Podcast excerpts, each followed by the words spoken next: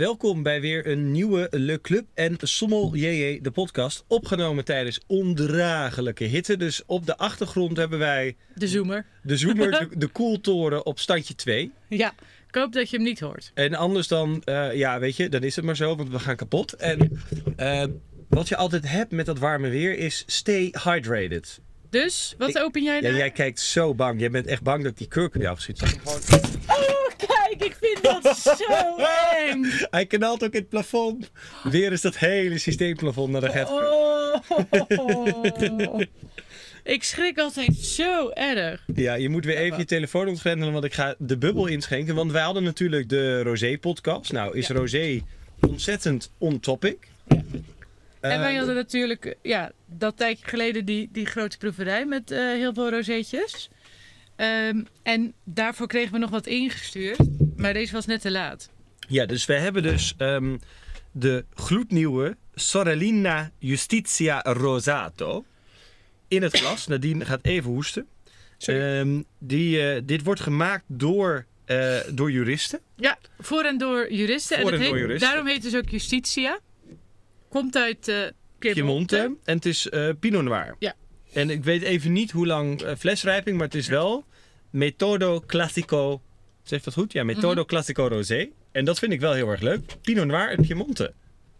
Zie je niet vaak. Nee. Het heeft ook wel een beetje brioche, hè? Ja, maar ik vind het wel. een Het is eigenlijk het is heerlijk. er is niks mis mee hoor. hebben altijd zulke dure smaken, dus dat is altijd helemaal top. Ja, dit is, dit is waarschijnlijk ook helemaal niet voor de verkoop. Maar ik, we vonden het wel zo leuk dat we een proefsample... Er zit ook geen etiket op. Nou, Nee. dat vind ik helemaal hy- Want het was volgens mij ook echt net eh, in de fles. Ja, dus ik vind, het, ik vind het hartstikke leuk. We gaan deze gewoon lekker drinken tijdens de podcast. Ja. Dus deze podcast mede mogelijk gemaakt voor en door juristen. Ja, altijd gezellig. Ja. Nee, maar ik vind het hartstikke leuk dit. Nou, wij zijn natuurlijk wel oververhit en dan smaakt dit nog beter. Hm, ik vind het echt lekker. Ja, het heeft eh, iets, ietsje brioche, maar ook gewoon lekker aardbeidjes, kersen. Ja? Nou, we gaan gewoon door. Nee, maar die moe, ik vind, vind je, neem nog eens een slok. Jeetje, dan heb ik alweer een glas op voordat we gestart zijn. Want ik had, zeg maar, op het begin dat die, dat, dan vond ik hem ook een beetje heftig in mijn Nee, neus. Maar daarna eh, Ik verdwijnt nog steeds die vlieger in. Nee, ik vind het lekker. Ja, ik heb. Oké. eh, Haal die vlieger maar even uit. ja, ik haal die vlieger uit. In de tussentijd mag jij... eh, Ja, ik zal even vertellen waar deze podcast over gaat. Daar gaan we dan straks over hebben. Daarvoor komt nog van alles. Ja, er komt weer een hele lange intro. we, hebben, we hebben ook nog allemaal dingen in de uitverkoop. Oh, En we hebben weer zoveel meegemaakt. Ja, maar begin maar. Nou, ik werd dus... Nee, wij werden uitgenodigd voor een persreis naar Alentejo. Ja. En ik was eh, ontzettend dankbaar. Ja, sowieso. Dat zijn wij altijd. Ja, na een maand onbetaald verlof. ehm, Kon dit er niet ook nog. Dit kon je er was, niet vanaf. Je was er net... Je was net terug, ik was echt eigenlijk. één dag terug waarschijnlijk. Ja. Dus, dus ehm, en ik weet eigenlijk niet. Ik zou les. Oh ja, ik moest les geven eigenlijk. Oh ja. Maar goed, dat kon ik gelukkig. ehm, eh, kon ik iemand anders voor vinden. Eh, dus dat was heel top. Daar was ik heel blij mee. En dan kon ik toch mee. En dan zijn we naar de Alentejo geweest. Ik heb daar nog wat extra dagjes achteraan geplakt. je bent bij Esperao. Esporão Esperao. geweest, ja, ja, Je ja. moet echt Verdad, snauwen. Esporão. Net als Down. Nou, Maar goed, nu zijn we dus in Alentejo. En dan heb ik nog een dagje achteraan geplakt naar de Douro. we zitten wel lekker in die Portugal van. Ja, en ik vind dat leuk. Ja, want iedereen die dacht ook na die eerste podcast die wij hebben gemaakt over Portugal van nou, ik ga daar nooit naartoe.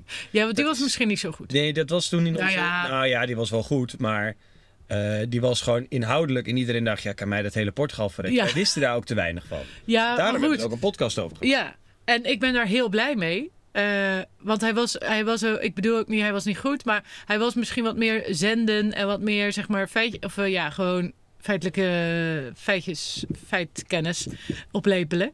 Eh, maar dat was eigenlijk wel goed, want toen had ik natuurlijk wel een vraag op dat examen over Portugal. En dat is natuurlijk wel winnen. En Dus uiteindelijk heel Ik blij. ben natuurlijk net weer terug van de Azoren. Ja. Jij bent dus naar Al die. Alentejo, Alentejo. Alentejo en naar de Douro. De O is de U in Portugal. Douro. Precies. En Porto. Porto. Is het eigenlijk ook. En Alentejo. Alentejo. Anywaytjes. Dat was eh, mega leuk. En eh, we gaan dus nog best wel wat po- podcast opnemen. Por- podcast. Portugalcast. Podcast. Ja, podcast. Want ehm, we zijn, of ik ben dus in Dodo geweest, daar wil ik nog wel wat over vertellen, maar dat komt dan in een latere. En wij dachten van, we gaan ook Vinho Verdes proeven. Dat wordt weer zo'n nieuw thema van de lekkerste Vinho Verde. Omdat er echt, Vio Verde is, een, eh, is sowieso een super interessant gebied. Want er wordt best op grote schaal eh, wijn gemaakt. Ja. Ook zeg maar van heel goedkoop tot echt high-end. Ja. En wij gaan gewoon op zoek naar echte fijne Vio Verdes. Ja. Eh, en niet Zijne? fijne, fijne Vio Verdes. Eh, ja, dat, is, dat gaan we doen. Maar dat komt dus in een latere podcast. Nu wordt echt Alentejo. Maar goed, er is nog één dingetje wat we natuurlijk niet kunnen laten schieten. Wat we echt moeten vertellen.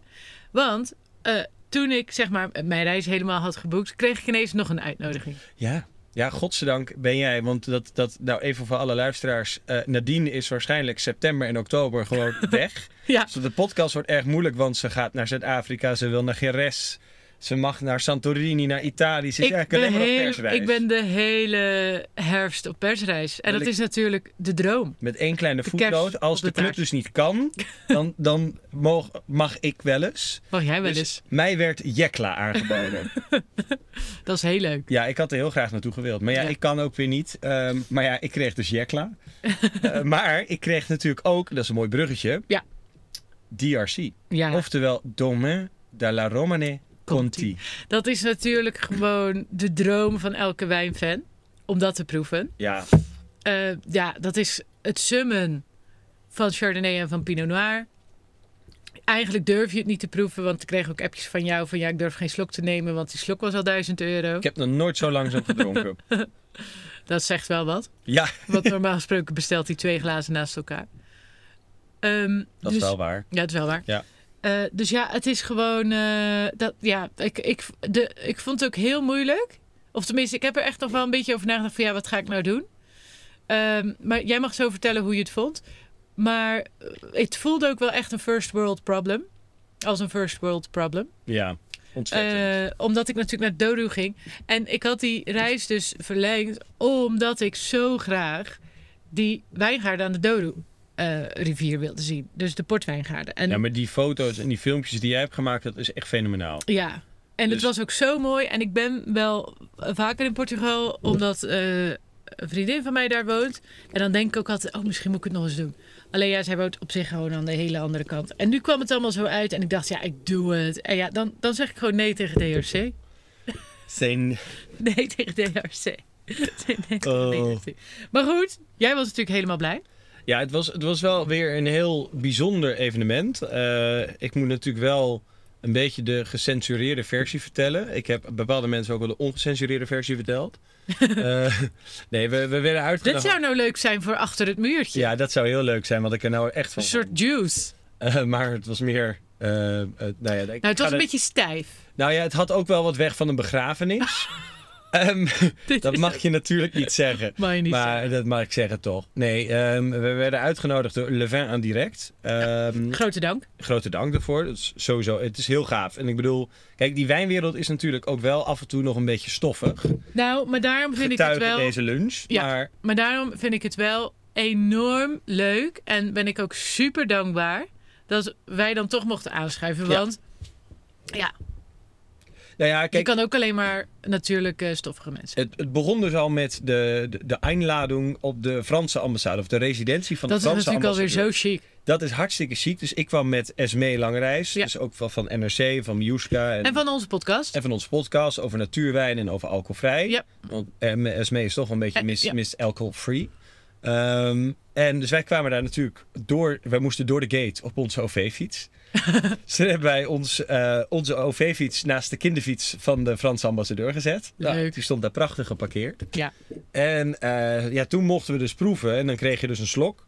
Nou, dat was dus een hele happening. Ehm, en dan ga je proeven. ja, want welke twee wijnen waren het? Het was de, ehm, even zien, de Corton Charlemagne? Corton Saint-Lamagne, eh 2019. En de eh Voromene Cuvée eh Bloche, ik kan het niet goed uitspreken. Oké, Maar, het staat op eh, Insta. Ja, het staat op Insta. En eh, dit zijn dus het, het leuke wel, en dat moet ik ze echt nageven. Kijk, DRC is ook om over te speculeren. Het zijn flessen wijn die voor een godsvermogen over de toonbank gaan. En die zelden tot nooit voor het pub- normale publiek eh, ja, voorhanden Bereikbaar zijn, bereikbaar zijn. Ja. En als het ergens op een kaart staat, dan is dat ook vanaf 5k minimaal. Echt? Deze ook? Dit dus niet. Maar dat brengt me dus zo bij dat verhaal. Oh, excuus. De, eh, DRC is gewoon ook duur in restaurants. Als je Ja. nagaat wat het al nu al kost. Dus als je er al kan komen. Nou, is het initiatief van Levin Direct en Domaine La Romane Conti was om DRC beschikbaar te stellen. Nou ja, ik kan niet zeggen voor de gewone, gewone man. Want ik bedoel, je moet alsnog in de buidel tasten. Ja. Maar volgens mij staat dit tussen de... Want ze wouden niet over prijzen praten. Maar tussen de 1000 à 2000 euro bij restaurants op de kaart. Volgens mij echt maar zo rond de 1000. Maar. Maar, eh, maar er werd gespeculeerd over de flessen al voor 14.000 euro. Want de rode cuvée is sinds 1999 nog maar negen keer geproduceerd. Dus dat is echt wel heel erg bijzonder. En Maar waar, waar gaat dat dan anders in? Of waar... het hangt echt van het jaar af. Maar, maar verkopen ze dan die druiven of zo? Nee, ze verkopen niet meer. Dat is dan voor andere cuvées of de, Oh, ja. werd het ergens anders voor gebruikt. Maar dat was het enige. Het enige, ja, dat is dan een side note, ondanks dat het fantastisch was, is dat, kijk, je wordt wel uitgenodigd. eh, en we hebben na dat tijd ook het naslagwerk gekregen van Gert Krum. Ja. Die eh, volgens mij het meest uitgebreide naslagwerk ter wereld over Domaine La Romane Conti heeft geschreven. Prachtig boek. Ja. Gesigneerd door de wijnmaker. Ja. Heel bijzonder. Ik heb hem. Ehm, alleen ik had graag, eh, denk ik ook wel gezien. Maar dat is, dat is mijn persoonlijke mening. Dat we voorafgaand. Kijk, dat proeven. Dat je meteen gaat proeven. En aan tafel. Superleuk. Maar. Als, al hadden ze een uur of anderhalf uur gereserveerd voor een masterclass over DRC met geschiedenis. En Van Gers of zo? nou ja, dat, dat had voor mij wel. eh, dat was een meerwaarde geweest. Want nu kom je daar als pers, krijg je een boek mee. Joe, joe, je kan het zelf opzoeken. Ehm, maar dat had voor mij wel echt meerwaarde gegeven. Kijk, en nu, ik, ik heb vandaag in de trein hier naartoe al dat boek gelezen. Maar dat, was voor, dat had voor mij wel echt. En ik dat had. Dat had Ja, dat, ja. Tenminste, ik heb zelf die, die drang daar naartoe. En ik, zou, ik had dat heel fijn gevonden. Ja. Nou ja, het is natuurlijk zoiets unieks. Tuurlijk, we lezen er wel eens over. Maar ja, we weten er ook weer niet zo... Ja, je weet er ook weer niet zoveel van. Ja, het komt nooit op je pad. Nee, maar die wijnen, het duurde dus eeuwen. Ik heb mijn proefnotitie, gaan we ook delen, gewoon op geproefd op de club, de rubriek. Ja. Komt er allemaal op. Ja. Ehm, ik heb het, kort gezegd, eh, heb ik DRC vergeleken met de eerste keer seks. Dat, Dat is- ik op Dat is een beetje eh, in beginsel ongemakkelijk, Uh-huh, uh-huh. maar, maar het, is, het moet toch wel lekker zijn. dus je doet het toch maar. Ja. En dan denk je, ja, ja, ja, was het nou echt zo lekker? maar dan moet je even oefenen. Ja. En met de jaren... Maar ja, ook- je had niet zo heel veel. Nee, daarom. Maar je hoeft dus, en dat is dus de, de clue. eh, DRC is net als seks. Met de jaren wordt het beter. Wordt het beter. Want ja, je leert, je krijgt ervaring en die wijn, die oudert.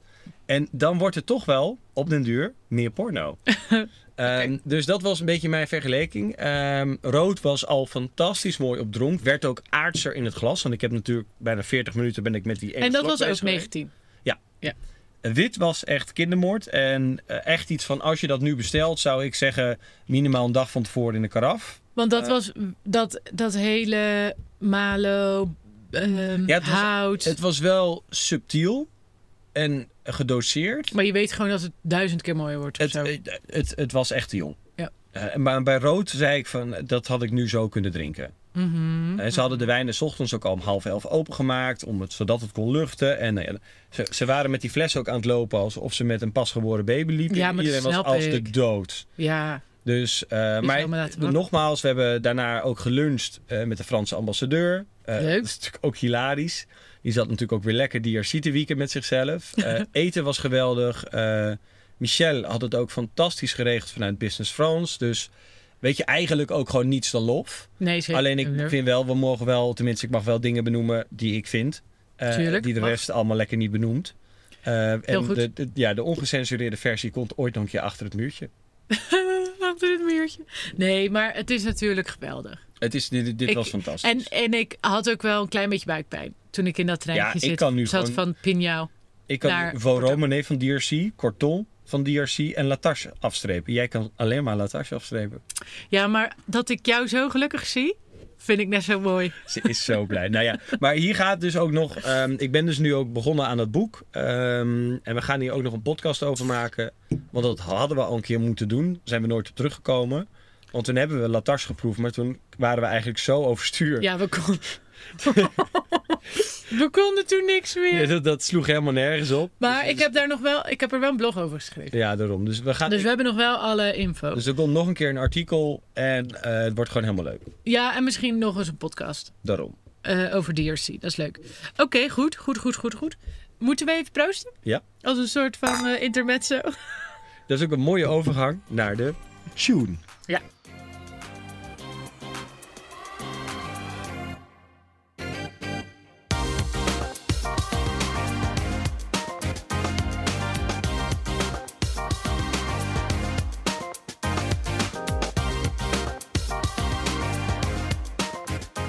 Nou, na de langste intro ooit. Zullen we nu de langste intro Nou ja, ooit we zijn nu een kwartier bezig. Maar Denk ja, ik wel. bedoel, DRC had ook wel even aandacht nodig. Nou, als je die geen eh, intro gunt, nee, daarom. wie gun je het dan wel? Maar we gaan nu met jou op bijreis. Want Ja. eigenlijk gaan we ook de aankomende tijd niks anders doen. Nee, we moeten denk ik wel echt goed plannen nu. Dat kunnen wij niet goed. Dus ik hoop dat het goed komt met al die podcasts. Nee, we moeten nog kijken naar een USB-microfoon. Zodat wij ook vanuit Zuid-Afrika of vanuit Geres of vanuit Santorini of vanuit Zwaven... of vanuit Zwitserland, god nog weten, als Champagne, Toscane... daar gaat ze allemaal naartoe namelijk. Ja. eh, wel op Mensen. afstand kunnen podcasteren. ja, misschien moeten we dat toch gaan doen, ja. Ja, we gaan dat aanschaffen. Ja. Oké. Oké, nou, we gaan dus nu naar Alentejo. Ja, want jij mocht mee met... Het werd georganiseerd door Delta Wines. Ja. Eh, en we, we gingen naar Esporau. Hoe lang heb je in de rij gestaan op Schiphol? Een uur en een kwartier. Dat valt best mee eigenlijk. Valt alles mee. Er was niet echt buiten een rij. Moest Nee, buiten aansluiten. Als je in de tent staat, dan heb je het alweer. Dan is het niet goed. Nee, maar toch hoorde ik ook weer van iemand die wel in die tent stond. Het was twee kilometer lang of zo. Ja. Ehm, en die eh, was er uiteindelijk toch ook in binnen anderhalf uur. Zolang het doorloopt, dan Ja. zit je goed. Ja, want ze lopen wel door. Maar je wil gewoon niet. Als je in die tent staat, dan denk je echt van: oh mijn god. Ja, nou ja, som, ik had al foto's gezien dat ze op de snelweg stonden. nou, Zeg maar bij die snelweg stonden. Is dat ook gebeurd? Maar misschien was dat gefotoshopt. Nou, ik denk dat. Ik denk dat het. ik denk echt dat jij gewoon weer in de val bent gelokt door fake nieuws. Denk het ook. Anywaytjes, volgende week moet ik naar... Anywaytjes is mijn nieuwe woord. Heb ik al twee keer gezegd. Mhm. Dat is niet goed. Nou, jij is beter anyweetjes dan. eh Ja, het mag niet meer. Het gaat wel beter als Ja. je drinkt, denk ik ook. Maar Denk ik anyweetjes, Wat wilde ik ook alweer zeggen? volgende week. Dan ga ik naar Toscane. Oh ja. En daar sta ik natuurlijk ja, waarschijnlijk toch ook wel lang in de rij. Verwacht ik wel. Ja, want jij gaat naar een Tuscan wedding. Maar we moeten niet. Nee, dat is in september Oh, pas. jeetje, nou. Ik heb nu gewoon een persreis. Ja. Voor zo moe van die persreis. moeten we daarna weer over Toscane hebben. Wel leuk. Ja. Oké, we gaan nu naar Alentejo, mensen. Alentejo. Eh, en we zijn dus ehm, uitgenodigd door Esporau. En dat is wel een heel bekend wijnhuis, eigenlijk. Ken Ja, jij het? Ja, Kende en, jij het? ja, en ik heb altijd een beetje. eh, Nee, dat is een beetje oneerbiedig. Ik heb altijd gedacht, maar ik weet jou, ik ken al een paar van jouw verhalen, maar je mag maar niet alles vertellen voor de podcast natuurlijk, want Nee. anders is het niet spontaan. Dan Nee. kan ik niet haten of lachen of gieren, brullen. Ehm, Spontaan reageren. spontaan reageren. Ja. Ehm, maar ik ken het wel en ik dacht, dit is Massa's Kassa. Nou, ze hebben best wel wat massawijnen. Want je namelijk- moet ook ja. door met je leven. Ja, dus je hebt dat ook verdienen. nodig. Eh, maar ze hebben ook eh, wat iconische wijnen. Iconic wines. Of wat meer high-end. Maar over, overal ben ik er echt wel enthousiast over. En dat is niet omdat ik eh, voor uitgenodigd ben. Maar gewoon omdat het goed is. Wat heel leuk is, is dat eh, ik natuurlijk vaak in Alentejo kom. Omdat Chantal, mijn maatje, daar woont. En heeft een eh frambozen imperium. Ook leuk. Kunnen we ook eens een keer een podcast over maken. Berry Empire. Barry. Ehm, en zij eh, heeft vaak een van die wijnen in huis. Dus sowieso de Esporau wel eens, maar ook de Montevello. En dat is wel leuk om daar even mee te Oh ja. beginnen. Want eigenlijk is dat echt een topper. Vooral wit. Ik, Rood heb, ik vond heb ik- die wel eens gehad, maar dat is echt gewoon prima. Ja. Rood vond ik, nou ja, dan vond ik weer zeg maar de, de rood van Esporau. Dus net iets hoger, maar in prijs verschilt ook weer niet zoveel. Beter. Maar die wit, die kan je gewoon echt aan de lopende band thuis Het in de koelkast hebben staan. Ja. Ben ik heel enthousiast over. Ehm, En er is ook niks mis met een weekable wine. nee, die is 100% wickable. En iedereen vindt het ook top. Maar dat, dan loop ik eigenlijk alweer eh voor op mijn eh, schema. Maar dat maakt niet uit. De Esporao Reserva Wit, eh, die is dus de best verkochte wijn in Nederland. Dus wij denken altijd van Nederland eh, zijn zuinig. Nederlanders zijn zuinig. En die Monte de, zou wel de beste zijn. Montevello is het denk ik. Montevello. maar... Value for money. Maar goed. Montevalue. Super value. Ja, de Hollanders gaan daarvoor. Nee, dus niet. Ja, ook wel. Maar die vinden dus die net iets hoger. Dat is dus de Esporao Reserve. Ja, maar dat is, daar staat, daar staat de reserve op. En denkt Jan en Alleman dat beter is. Ja, nou, en dat is het ook wel. Eh, of tenminste, het biedt veel, het biedt meer. Want het is eh, dus ietsje Maar eh, betekent gerijpt. reserve ook iets? Is dat eh, gereguleerd in Portugal? Of kan je daar ook gewoon op een etiket, eh, etiket kladderen? Etiket. Kan je er gewoon op een etiket kledderen, net als in Chili. En dan gewoon zeggen, ja, dit is, dit is echt een reserva. En eh, God mag weten wat ermee gedaan is. Volgens mij heeft het wel iets van een betekenis. Oh, ja, dit houden we hier nog te goed. Ja, ik moet kritische vragen stellen. Het is een kritische podcast. Maar jij weet het ook niet, want jij bent ook wezen, Dip. Dip, Dip Ik moet nog een verslag maken. Ik ben af, ik heb al niet. Ze is alweer zo dronken. Ga er maar Nee, nee. door. Ga nou maar weer door. Ga er maar weer door. Nou, oké. Wat zij dus doen, en dat vind ik dan weer heel leuk en echt wel bijzonder. Ze hebben 600 hectare. Ze hebben eigenlijk 2000 hectare, maar daarvan zijn 600 staan aangeplant met wijnstokken in Alentejo. Dat is echt heel veel. Dat is meer dan heel Nederland. Dat is twee keer Nederland Ja, ongeveer. dus gewoon twee keer de totale Nederlandse wijnconsumptie. één wijn erbij. Maar goed, dan kan je denken, massa is kassa. Als je dat zou denken, zou je nooit biologisch boeren. Want dat doen ze. Het is allemaal biologisch. Dat is wel heel knap. Nou, vind ik echt knap. Met zo'n lap grond van 600 hectare. Nee, eh, wat, ook, wat dus ook heel erg grappig is, is dat zij... Hun motto is slow forward. Hmm. Want met alleen maar snelheid boek je geen vooruitgang. Dus zij vinden biologische wijnbouw heel belangrijk. Zij vinden duurzaamheid en respect voor de bodem heel belangrijk. Nou, die, eh, wij werden rondgeleid door Pedro. Pedro is de sales manager van het hele gebeuren. Ehm, en die zei: Het is hier warm, maar het ergste is die heftige wind. Nou, dat is ook zo, want het was een soort föhn. Ik kwam dat busje uit en vroom, Ging kapot. ging kapot. Eh, maar goed, ik, ik reageer ook vrij heftig op warm. Nee, valt mee. Maar goed, ik heb het gewoon dan wel echt warm. Ehm, en wat zij dus doen is, je ziet dus die wijngaarden. Nou, je ziet overal wijngaarden, want 600 hectare is heel veel. Maar ze hebben dus eh, zo halverwege elke wijngaard, of nou ja, na iets van 20 stok of zo, staat er weer een rijtje bomen. En die breken de wind. Oh, wat slim. Ja, dus dat kan je bijvoorbeeld ook weer niet doen. Maar zij willen dus, zij vinden dat heel belangrijk om met natuurlijke middelen eh, en logisch nadenken uiteindelijk, dus boerenverstand vind ik ook wel, eh, dat je daarmee ja, het eigenlijk beter maakt Men- voor die mensen, wijngaard. mensen zijn eigenlijk hartstikke slim. Dat is hetzelfde als, als wat we in de Azoren podcast hebben besproken. Dat die muurtjes, die curés, Ja. God mag weten hoe je het uitspreekt, dat dat 600 jaar geleden al bedacht is. Ja, En dan is, dan is dit is gewoon tegenwoordig zet je ergens een boom neer. Ja, het, we, we brengen het nu als echt een van de meest inventieve dingen die je kan bedenken. Maar het is een super simpele nou oplossing ja, het is voor gewoon... een heel makkelijk probleem. Ja, en het is natuurlijk niet alleen dat het de wind breekt, maar het zorgt ook weer ervoor dat er bepaalde dieren komen.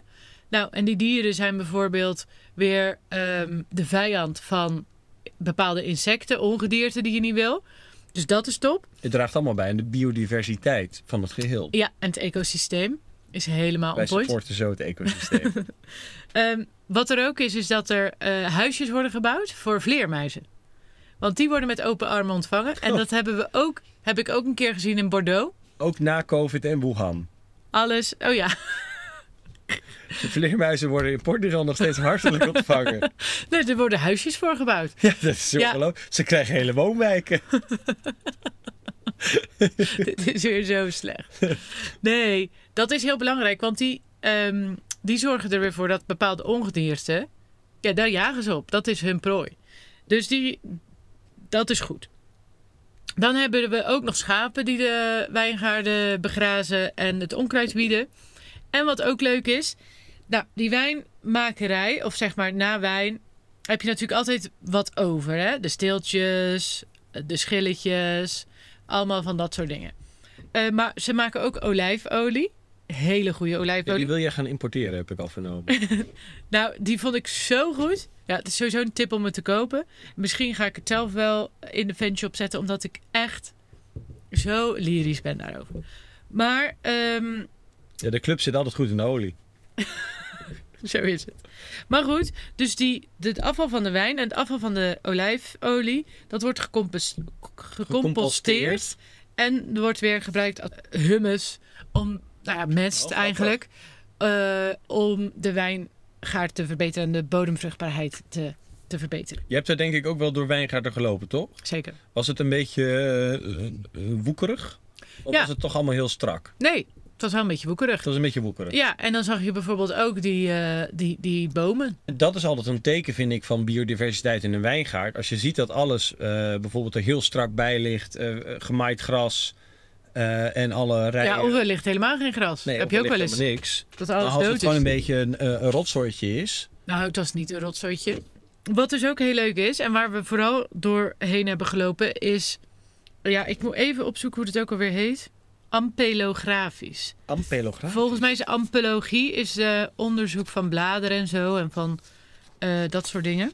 Een ampelografische wijngaard, zo werd het ook genoemd. En dat is een wijngaard waar dus 188 druivenrassen zijn aangeplant. Het is 11 hectare groot ongeveer. En nou ja, sommige die beslaan een rij, sommige wat minder, sommige wat meer.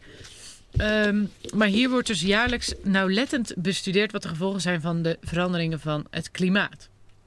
Wel heel interessant. Ja, eh, omdat ze ook, ze hebben bijvoorbeeld wat hele oude eh, rassen uit Portugal, die hebben ze daar neergeknald. Maar ook Cabernet Franc staat er volgens mij, wat, wat Frans ras. Om maar te kijken van, oké, wat kunnen we wat kunnen we doen en waar moeten we voor in de toekomst rekening mee houden. 88 druivenrassen, toch? En ze, hebben, ze maken daar soms ook wel eens een wijn van. Die hebben ze nog ook gedrukt. Johanniter of Solaris hebben? Nou, ik had nog wel gevraagd van wat vond je het de leukste ervan. En toen eh, zei hij Espadero. Dat is een rode druif. En dat is, dat is nu al de toekomst van de Vinio Verde. Ehm, en nou ja, die, daar was de wijnmaker in ieder geval heel enthousiast over. Dat dat ook in Alentejo iets kan brengen. Omdat het heel goed de hitte aan kan. Dus dat is wel leuk. Maar daar ga ik zo nog meer over de druifras vertellen. Eh, en we hebben ook een. eh, we kregen een klein eh, barrel sampletje. Dus een half flesje van 188 druifras. Konden we bij het eten. heel mooi. Ja. Full-bodied. Eh, maar goede zuren. En nou ja, ik denk dat dat ook wel de belangrijkste ehm, les is. Of in ieder geval wat ze er vooral mee willen bereiken. Is natuurlijk druivenrassen te vinden die heel goed met dat warme klimaat En dat kunnen is, gaan. da- daarom is Portugal niet alleen daarvoor heel erg belangrijk, maar we zien ook dat Touriga Nacionaal in de Bordeaux mag aangeplant worden. Ja. Vanwege Ja. de opwarming van de aarde. Nou, en daar zijn ze daar ook wel mee bezig. Die staat er ook bij. En eh, een paar andere druivenrassen van, eh, vanuit Douro. Die, die gewoon wel met die hitte, ja, die daar tegen bestand zijn. En die bijvoorbeeld niet te veel suiker aanmaken. Of juist hun zuren behouden. Dus dat is wel heel tof. Ja, het is, het is eigenlijk helemaal niet zo massaal. Ja, het is huge. Maar eigenlijk wordt alles wel Het is niet mainstream. Nee, en ook niet ehm, de makkelijkste weg wordt absoluut niet gekozen. En maar dat is ook wel grappig, want ik heb daar dus, want dat was zo jouw tip eh, van I'll Drink to That, de podcast met Louis Seabra. Ja, Ehm, is daar ging het ook over dat vroeger en tegenwoordig we in mindere mate om zeg maar voor de volgende generatie eh, om zeg maar de wijnstok te behouden er best wel wat weg werd geknipt. Mhm. Dat je wel lage rendementen had, maar door die lage rendementen te houden ja bleef die wijngaard langer bestaan. bleef die wijngaard langer bestaan, zodat je het kon overdragen aan de volgende generatie. En dat vond ik wel gewoon een heel leuk verhaal eigenlijk. En, ook, en het getuigt ook van het feit dat ze niet de makkelijkste weg kiezen. Ja. Je kan dus voor massa, kassa en volume draaien, maar daarmee put je ook weer bodem, eh, en, en de biodiversiteit van de omgeving uit. Ja, maar dat is dus iets wat ze, ja, wat ze dus eigenlijk absoluut niet doen. Ehm, Portugal is sowieso, ondanks onze misschien het iets wat saaiere eerste podcast, een heel leuk eh, echt- eiland. Echt heel leuk. Neem nog maar even een slok. na de Azoren, maar nu jij weer dit. En we gaan het natuurlijk ook over Port nog hebben. Maar dat is ook wat, wat, dat, dat, jij uitgezocht. Na Italië is Ja. Portugal dus het land met de meeste druivenrassen. Zeker. En dat is dus ook waarvoor ik, waardoor ik denk dat, en dat ik leg het ook, want ik heb een Portugese wijn in het wijnarrangement, maar dat leg ik ook heel vaak aan mensen uit van Portugal vinden wij met z'n allen eng, want we kennen geen eh Laurero of Trincadeira. Trincadeira of ehm, een, eh, noem het al, eigenlijk allemaal maar op. Nou, leuk dat je daarover begint, want ik heb wat druivenrassen voor jou uitgezocht. Oh, daar gaan we. Nou, maar dat is precies natuurlijk één van de redenen dat we het niet bestellen, is omdat je het niet kan uitspreken. Chardonnay Merlot blijft toch wat lekkerder hangen dan Trincadeira. Ehm, maar het is wel, het, is, het verdient toch een podium. Ja, want ik heb dus nu een wijn ook met Rabigato. En dan heb ik dus Godeo. Maar dan heb ik dus de, de Spaanse naam gepakt, want dan kan ik het tenminste uitspreken. en dan heb ik Fichal. Oh ja. Fichal. Waar komt die vandaan? Eh, dit is Dodo. Wel goed. Dat spreek je daar goed uit. Ik begin het te leren. Ehm, maar dat is natuurlijk wel een van de redenen dat je niet uit kan spreken. Ja. En, en het heeft natuurlijk ook wel wat tegenslagen gekend door de jaren heen. Ehm, en daardoor eh, zijn ze niet zo hard gegroeid of zijn ze niet zo eh, met, de, met modernere technieken aan de slag gegaan. Hoe, dat ging natuurlijk sneller in Frankrijk. Of doordat ze bij de EU zijn gekomen, is er wel het een en ander veranderd. En Ja. dat, dat heeft dus ook, zeg maar, kennis en kunde. eh, restricties gingen ervan af. Ja. En ze hebben ook kunnen meeliften op, dus die, dat hebben we toen de vorige keer ook gezegd, op de EU-landbouwsubsidies. Ja. En dat heeft een ontzettende impuls gegeven aan wijnmaken in Portugal. Ja, Eh, maar het was niet. Het is niet zo dat ze. mm, Dat dat altijd het geval was. Want de Douro was dus het eerste afgebakende gebied. Het eerste afgebakende wijngebied. En dat was in 1756. Is Port daarmee, denk je, de oudste beschermde geografische Ja, aanduiding? dat is het. Ja. Alleen er wordt nog wel eens een beetje mee getouwtrekt met Chianti. Oh ja. Ja, maar met Kian... Ja, oké. Die waren er ook vroeg bij. Die waren ook, die Maar waren goed, ook Van ons, wat ons betreft staan ze allebei op de eerste plek. Ja. Maar in ieder geval, het kent dus een hele lange geschiedenis. Ehm, maar ja, dan vervolgens wat tegenslagen. Best wel armoede natuurlijk. Eh, dus ze groeiden wat minder snel. Maar nu nou ja, zijn ze echt wel met een comeback bezig. En zijn het gewoon echt fantastische wijnen die er worden gemaakt. In alle prijsklassen. Wat eh, natuurlijk ook nog een puntje is van aandacht in Portugal. Is dat ze gek zijn op synoniemen. Oh ja. Is het hetzelfde als met de, met de Spanjaarden die elke regio een andere naam voor Tempranillo hebben? Nou, dat doen ze hier ook. Want dat was ook mijn voorbeeld. Ja, maar dat komt omdat de Portugezen vinden de Spanjaarden weer niet leuk. Dus hebben de Portugezen weer andere namen Ja. voor Tempranillo dan de Spanjaarden hebben. De Spanjaarden hebben er al twintig, dus moet je nagaan hoeveel de Portugezen daar hebben. Wie zei dat de wijnwereld niet ingewikkeld was? Nou, ik niet. Zeg ik nooit. Eh Aragonés, Aragonés. dat is natuurlijk ook Tempranillo. Ja. En dat is Tempranillo in de Alentejo. Maar in de Douro gaat die als Tinta Roriz door het leven. Tinterrorist? Ja. Allee. Maar wat ik dus heel leuk vond, want Bas Korpels van de Grote Hamersma, die was ook op de reis. Oh ja. En hij heeft al wel een stukje getikt, want die is zo snel.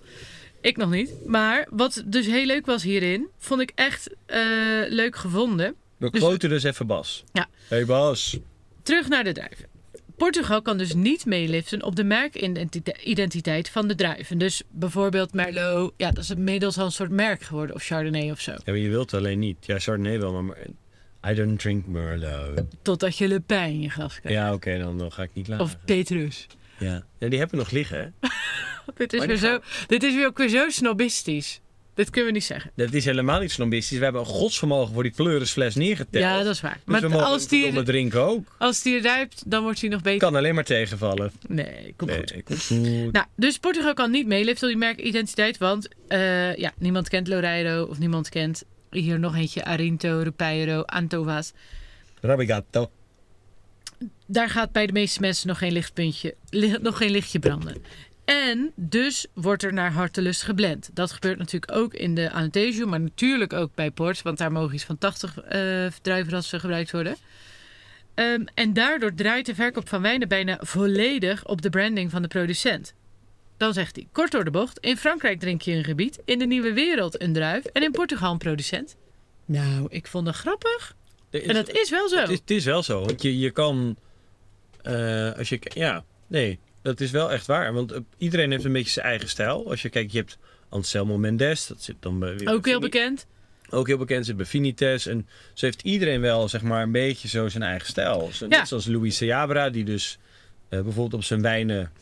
om- nee, dat gaan we nog een keer... We gaan nog een keer podcast ook even. Ja, dat, dat gaan Maar we dat is behandelen. bijvoorbeeld cru zet hij op zijn wijn. Dus Xisto cru. Ja. Dus Naar de- expressie van bodem. Maar ja. cru betekent in Portugees Rauw, rauw. Dus rauwe wijn, niks mee gedaan. precies. En dikke vette knipoog naar Burgundy. Maar om jullie toch een klein beetje op weg te helpen, heb ik Zo wel. zijn wij. Want zo zijn we. Heb ik wel een aantal druivenrassen eventjes eruit gepakt. Die dus ehm, worden ge- aangeplant. Of nou, eigenlijk de bekendste van de Anathesia. Dat is Antauvas. Ik, schrijf, ik zeg het weer verkeerd. Antau. Dat is net zoals. Esporau. Dus Esperaan. Antauvas. Het gaat ook steeds beter. Maar... Ja. ja, je moet het gewoon oefenen. Ja. Hittebestendig. Zelden in een monocepage, want het geeft niet zoveel zuren. Maar, al, maar je wil hem wel weer in de blend, want hij geeft wel structuur. Beetje perzik en tropisch. Ik, vond, ik moet dan denken aan Viognier. Hm. Ja, ja, ja, ja. Ehm Arinto, Arintintintin, die kennen we natuurlijk van de Azoren. Alleen is dat wel Arinto das Açores. Ja, en dat is weer een ander druivenras dan op het vasteland. Want dit is denk ik dezelfde als in de Vigno verder. Ja, alleen denk ik ook wel dat, eh, nou ja, wat jij ook hebt genoteerd, is dat Arinto geeft ook op het vasteland zuren en frisheid. En datzelfde geldt ook voor Arinto das Açores. Misschien Daar- heeft hij wel iets ervan weg. Dat, dat sowieso, die, die zullen DNA-neefjes Neefjes, zijn of nichtjes, nichtjes mag ook. hetjes, eh nobody knows. eh, Ja. Genderneutraal. Ja, zeker. Ehm, zo inclusief. Ehm, nee, maar, dat, dat, dat- maar dat is, ik heb echt leuke voorbeelden van Arinto gehad. En ik denk ook echt, ik heb ook wel eens oude Arinto gehad van het vasteland. Dus gewoon eh, uit een van de normale wijnregio's. En dat had ook echt een beetje dat waxy eh, na Mm. verloop van tijd. Dus het kan ouderen. Leuk, leuk, leuk. Maar meestal zijn ze dus in een blend. En dan hebben we nog Ropeiro. Die is het meest aangeplant. Ehm, en geeft wat meer citrustonen dan die Antauvas. Maar wat wijnmaker nog zei, is deze oxideert nogal snel. En dat is wel grappig. Eh, want wij hebben het daar al eerder over gehad, volgens mij. En wat hij wil namelijk hyperoxidatie toepassen. En daar hebben we het wel eens over gehad. Want dat is dus voordat de fermentatie begint. Dus de most oxideren. Ja, Wat gebeurt er dan? Dat wordt bruin. dat was, dat was heel ingewikkeld. eh, met- om welke wijn ging dit? Chardonnay. In eh, Californië was Ja, ja, dat was een heel in, in, ingewikkeld artikel. Maar wel heel leuk. Hyperoxidatie. Omdat je denkt van ja, waarom zou je dit in godsnaam doen? Want die wijn wordt bruin. Maar, maar om jullie toch een klein beetje op weg te helpen. Heb ik Zo wel... zijn wij. Want zo zijn we. Heb ik wel een aantal druivenrassen eventjes eruit gepakt. Die dus ehm, worden ge- aangeplant. Of nou, eigenlijk de bekendste van de Anathesia. Dat is Antauvas. Ik, schrijf, ik zeg het weer verkeerd. Antau. Dat is net zoals Antau. Esporau. Dus Esperaan. Antauvas. Het gaat ook steeds beter. Maar... Ja. ja, je moet het gewoon oefenen. Ja. Hittebestendig. Zelden in een monocepage, want het geeft niet zoveel zuren. Maar, al, maar je wil hem wel weer in de blend, want hij geeft wel structuur. Beetje perzik en tropisch. Ik, vond, ik moet dan denken aan Viognier. Hm. Ja, ja, ja, ja. Ehm Arinto, Arintintintin, die kennen we natuurlijk van de Azoren. Alleen is dat wel Arinto das Açores. Ja, en is dat is weer een ander druivenras dan op het vasteland. Want dit is denk ik dezelfde als in de Vigno verder. Ja, alleen denk ik ook wel dat, eh, nou ja, wat jij ook hebt genoteerd, is dat Arinto geeft ook op het vasteland zuren en frisheid. En datzelfde geldt ook voor Arinto das Açores. Misschien Daar- heeft hij wel iets ervan weg. Dat, dat sowieso, die, die zullen DNA-neefjes Neefjes, zijn of nichtjes, nichtjes mag ook. hetjes, eh nobody knows. eh, Ja. Genderneutraal. Ja, zeker. Ehm, zo inclusief. Ehm, nee, maar, dat, dat, dat- maar is, ik heb echt leuke voorbeelden van Arinto gehad. En ik denk ook echt, ik heb ook wel eens oude Arinto gehad van het vasteland. Dus gewoon eh, uit een van de normale wijnregio's. En dat had ook echt een beetje dat waxy eh, na Mm. verloop van tijd. Dus het kan ouderen. Leuk, leuk, leuk. Maar meestal zijn ze dus in een blend. En dan hebben we nog Ropeiro. Die is meest aangeplant. Ehm, en geeft wat meer citrustonen dan die Antauvas. Maar wat de wijnmaker nog zei, is deze oxideert nogal snel. En dat is wel grappig. Eh, want wij hebben het daar al eerder over gehad, volgens mij. En wat hij wil namelijk hyperoxidatie toepassen. En daar hebben we het wel eens over gehad. Want dat is dus voordat de fermentatie begint, dus de most oxideren. Ja, Wat gebeurt er dan? Dat wordt bruin. dat was, dat was heel ingewikkeld. eh, met- om welke wijn ging dit? Chardonnay. In eh, Californië was het Ja, toen. ja, dat was een heel in, in, ingewikkeld artikel. Maar wel heel leuk. Hyperoxidatie. Omdat je denkt van ja, waarom zou je dit in godsnaam doen? Want die wijn wordt bruin. Dat is natuurlijk niet aantrekkelijk. Je wil geen bruine wijn. Maar dit kan eigenlijk weer worden hersteld in de pers. Eigenlijk blijven dan de donkere fenolen achter. Hocus pocus. Maar ik zal daar ook dat ene blogje wat ik toen had gevonden over Chardonnay nog even toevoegen. Dat is wel echt leuk om te weten. Dan hebben we rood. Wat je veel ziet in de Alentejo is Trincadeira. Drinken daar. En dat is ook wel interessant, want dat geeft, vind ik, dat typische Portugese randje. Wat ik dus kruidigheid vind. Mhm. Wat voor kruidigheid? Beetje kaneel, zoete specerijen, eh, nootmuskaat. Maar dat vind ik echt iets, zeg maar, gecombineerd natuurlijk met het hele rijpe fruit en zo. Iets wat Portugal Portugal maakt. Alicante Bouchet. Volle wijnen, maar heeft, is natuurlijk de druivenras wat gekleurd vlucht, vruchtvlees heeft. Ja. Dus dat levert eh, echt eh, ja, heftige wijn op, maar ook met, met een diepe kleur. Dan hebben we nog Moreto. Eh, dat is een druif die er vroeger veel was, maar die eigenlijk eh, een beetje vergeten was. Maar nu weer dus het tweede leven is begonnen. Ehm, de wijnmaker vond het ook wel tof, want die ehm, is niet zo gevoelig voor ziektes en best wel betrouwbaar in de wijngaard. Kan goed tegen hitte weer. En Espadero, die kwam als winnaar uit de bus van die eh, wijngaard Ja. met al die experimenten. Eh, die wordt al veel aangeplant tussen in Vinho Verde voor rood. Maar goed, kan dus ook eh, de toekomst zijn van Alentejo. En wat ook wel leuk is, is dat die Moretto en eh, ook die witte druiven, die eh, worden ook vaak gebruikt in de Vinho de Talha. Wat is dat dan? Dat is, beste mensen, amphora wijn. Oh. Ja, maar daar heeft Portugal ook een lange geschiedenis eigenlijk. Hele lange geschiedenis, ook alweer duizenden jaren. Niet zo oud als natuurlijk eh, Georgië, maar zij doen dat ook al heel lang. En ook Esporau maakt er een paar. Vond ik ook weer hartstikke leuk en echt weer perfect bij, nou ja, de Ottolenghi keukenkan, maar dat zou te makkelijk zijn. Laten we dan de Porco Alentejano doen. Dat is ook zo lekker en zo gekruid. Is dat weer heel veel varkensvlees? Dat is varkensvlees, maar ook met vongole. Het is, ja, Vongole. nee, maar dat is heerlijk. En met heel veel kruiden. Nou, past perfect bij die Vino de Talha. Eh, en die worden dus in die amfora's gemaakt. Ik vroeg nog van, ja, hoe komen jullie eraan? Want zijn er nog amfora-makers hier? Nee. Die worden dus opgekocht. Gewoon random bij mensen. Want soms heb je gewoon...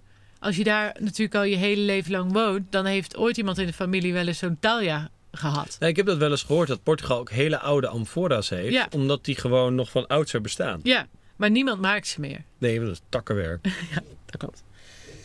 Dus dat maken zij ook. Kunnen we ook een linkje van delen.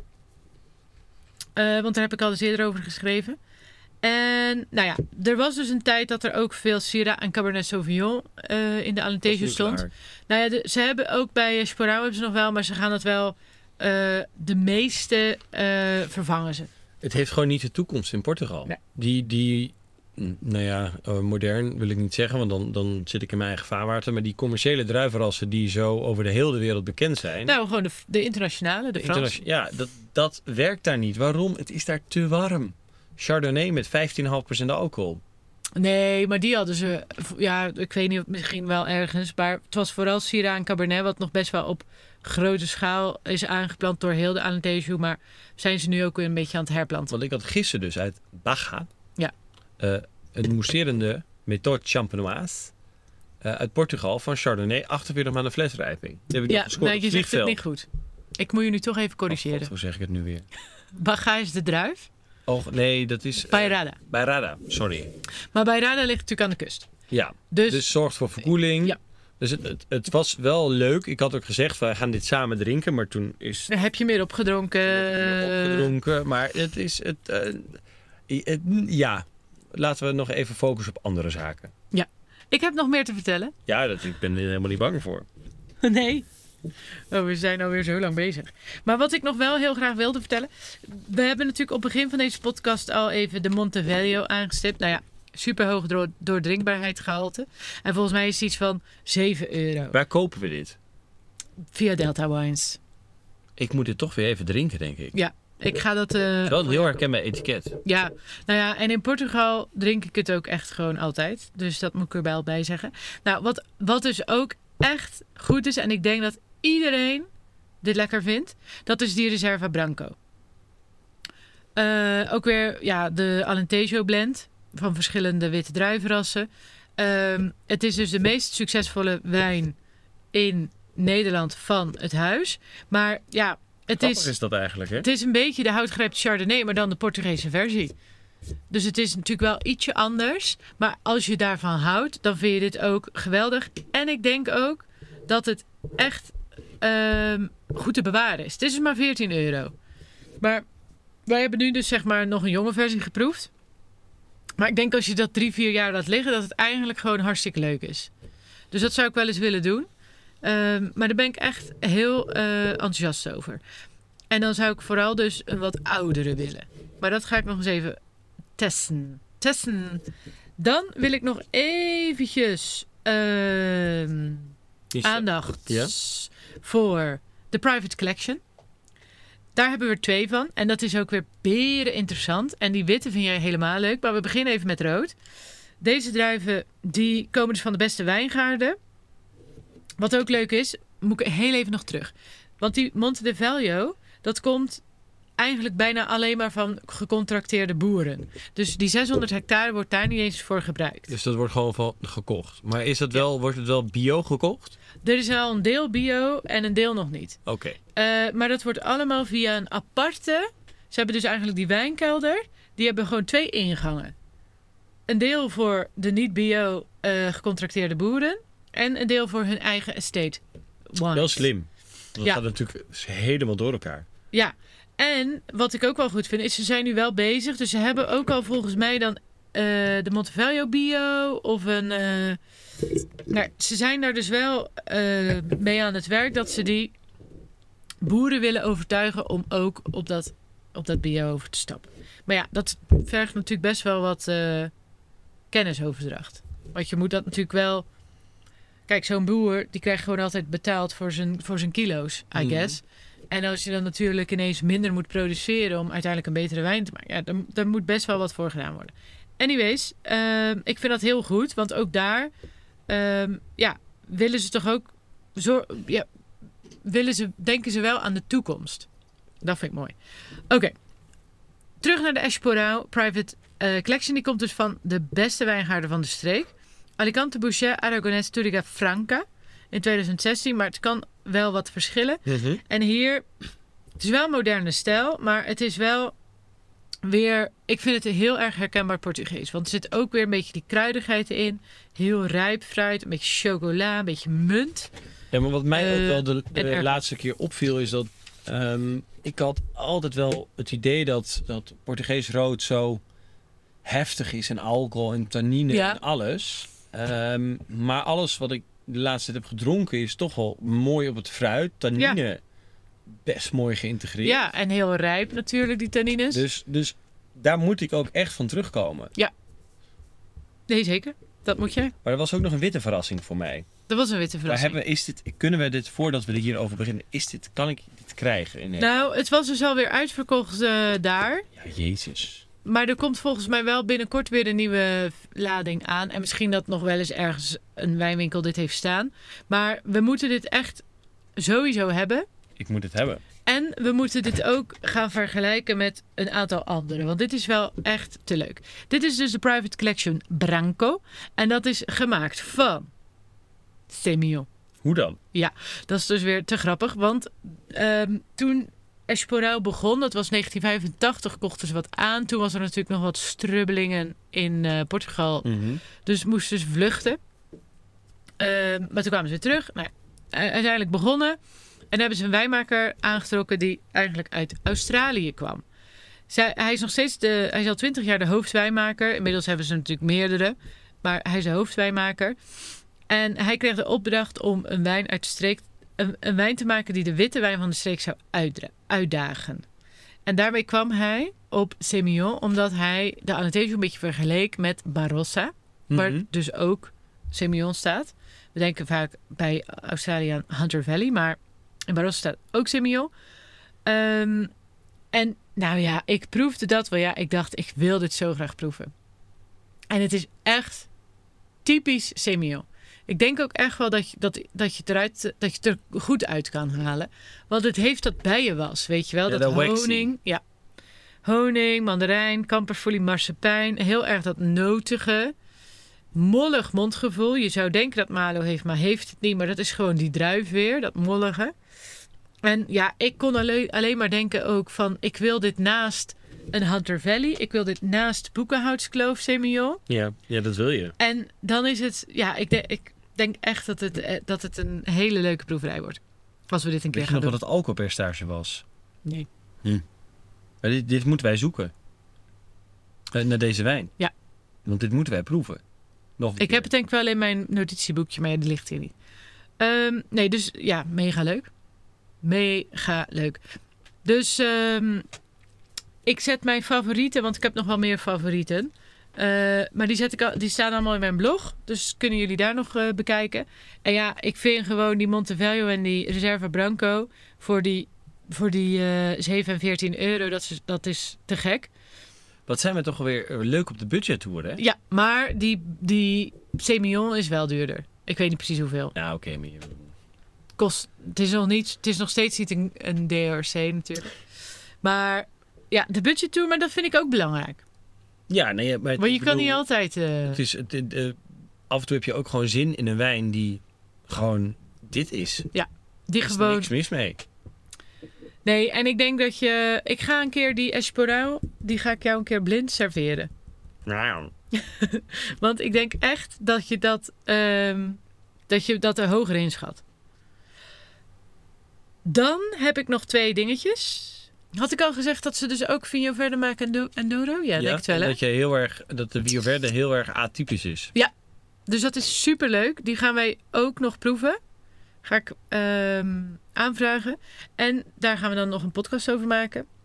Want dat is ook heel leuk. Ja, dus we gaan ook nog allemaal importeurs mailen. Ja. Wil je Bio Verde opsturen? Ja. Luister je dus de podcast, ben je fan of wat dan ook. En je luistert gewoon. Stuur ons eh, gewoon een fles op. Eh, de informatie kan je ook gewoon op de Le Club vinden. ja. Ehm, zoek op even. Stuur ons gewoon een fles op. Stuur ons gewoon een fles op. Eh, flessenpost Le Club de Vin. Als je dat googelt, dan vind je dat. Ja. Anders kan je altijd een mailtje sturen naar podcast@leclubdevin. Ja. Ook als je vragen hebt trouwens gewoon over wijndilemma's. Sowieso. En wij sturen dan nog een mail ook uit. Want dat lijkt ons nog leuk om de beste vino verder te vinden. Ja, en dat worden sowieso twee thema's. Dus we gaan niet Ja. alleen- ook nog een ander thema doen. We maar doen heel veel. Dat zie je allemaal dan wel weer. Ja. Hebben wij nog meer te melden? Want ik ben Nou, klaar met mijn verhaal. Jij hebt eh, op voorraad eh, nog een, een nieuwe Australië-puzzel. Die is nu binnen. Ja? Dus denk jij van, ik ga op vakantie en ik sta in de rij bij Schiphol. Ik ga puzzelen. Ik ga puzzelen gewoon, ik gewoon duizend, duizend stukjes mee in de rij. Ik bedoel, wie, wie wil dat nou niet? Eh, en je hebt nog één Georgië-box. Vertel Ja. mij. Want ik, je gaf mij een fles van Georgië met 200 druivenrassen. Ja, ja, ja. Ik ben nu al in de war. Ehm, maar je hebt nog één, is één boxje één over. box. Ja, want de rest moet je zelf opdrinken. Nou ja, er is één fles gevallen. Dus dit is één, één complete box. Maar dit is dus nog één complete box. Ja, en laatste huishoudelijke mededeling. Er komen dus een hele hoop blogs ook van de Azoren aan. Ja. Een wijnfan op de Azoren. Binnenkijken bij de Azores Wine Company. En de Azoren, het oudste, st- het jongste stukje, Stukje aarde. aarde. Ja, het is zoveel. Ik moest, zo, ik moest zoveel ding, dingen, dingen schrijven voor de club. Nou, dat wilde je had ook. hè? helemaal stress. Jij, jij doet mij nu weer voor als een tiran. De club doet hier aan. Eh, en ik heb deze blog bijna af. Over Esporão en over Alentejo. Dus die komt ook online heel snel met nog meer proefnotities. En Rianne, onze vriendin Rianne van Zoldering. Sterrenzaak tegenwoordig. Sterrenzaak, god, ja. het is zo chic Jezus, weer. Het is zo chic weer. Maar zij heeft nog een hele leuke blog geschreven over een wijnfan in Amsterdam. Ja, Dus ja, het is weer zoveel. er is gewoon zoveel content. Dus als jij lekker eh, zit smoren op dat strand, lees dan wat van de club of luister ons. En dat was weer... Joe. Yo.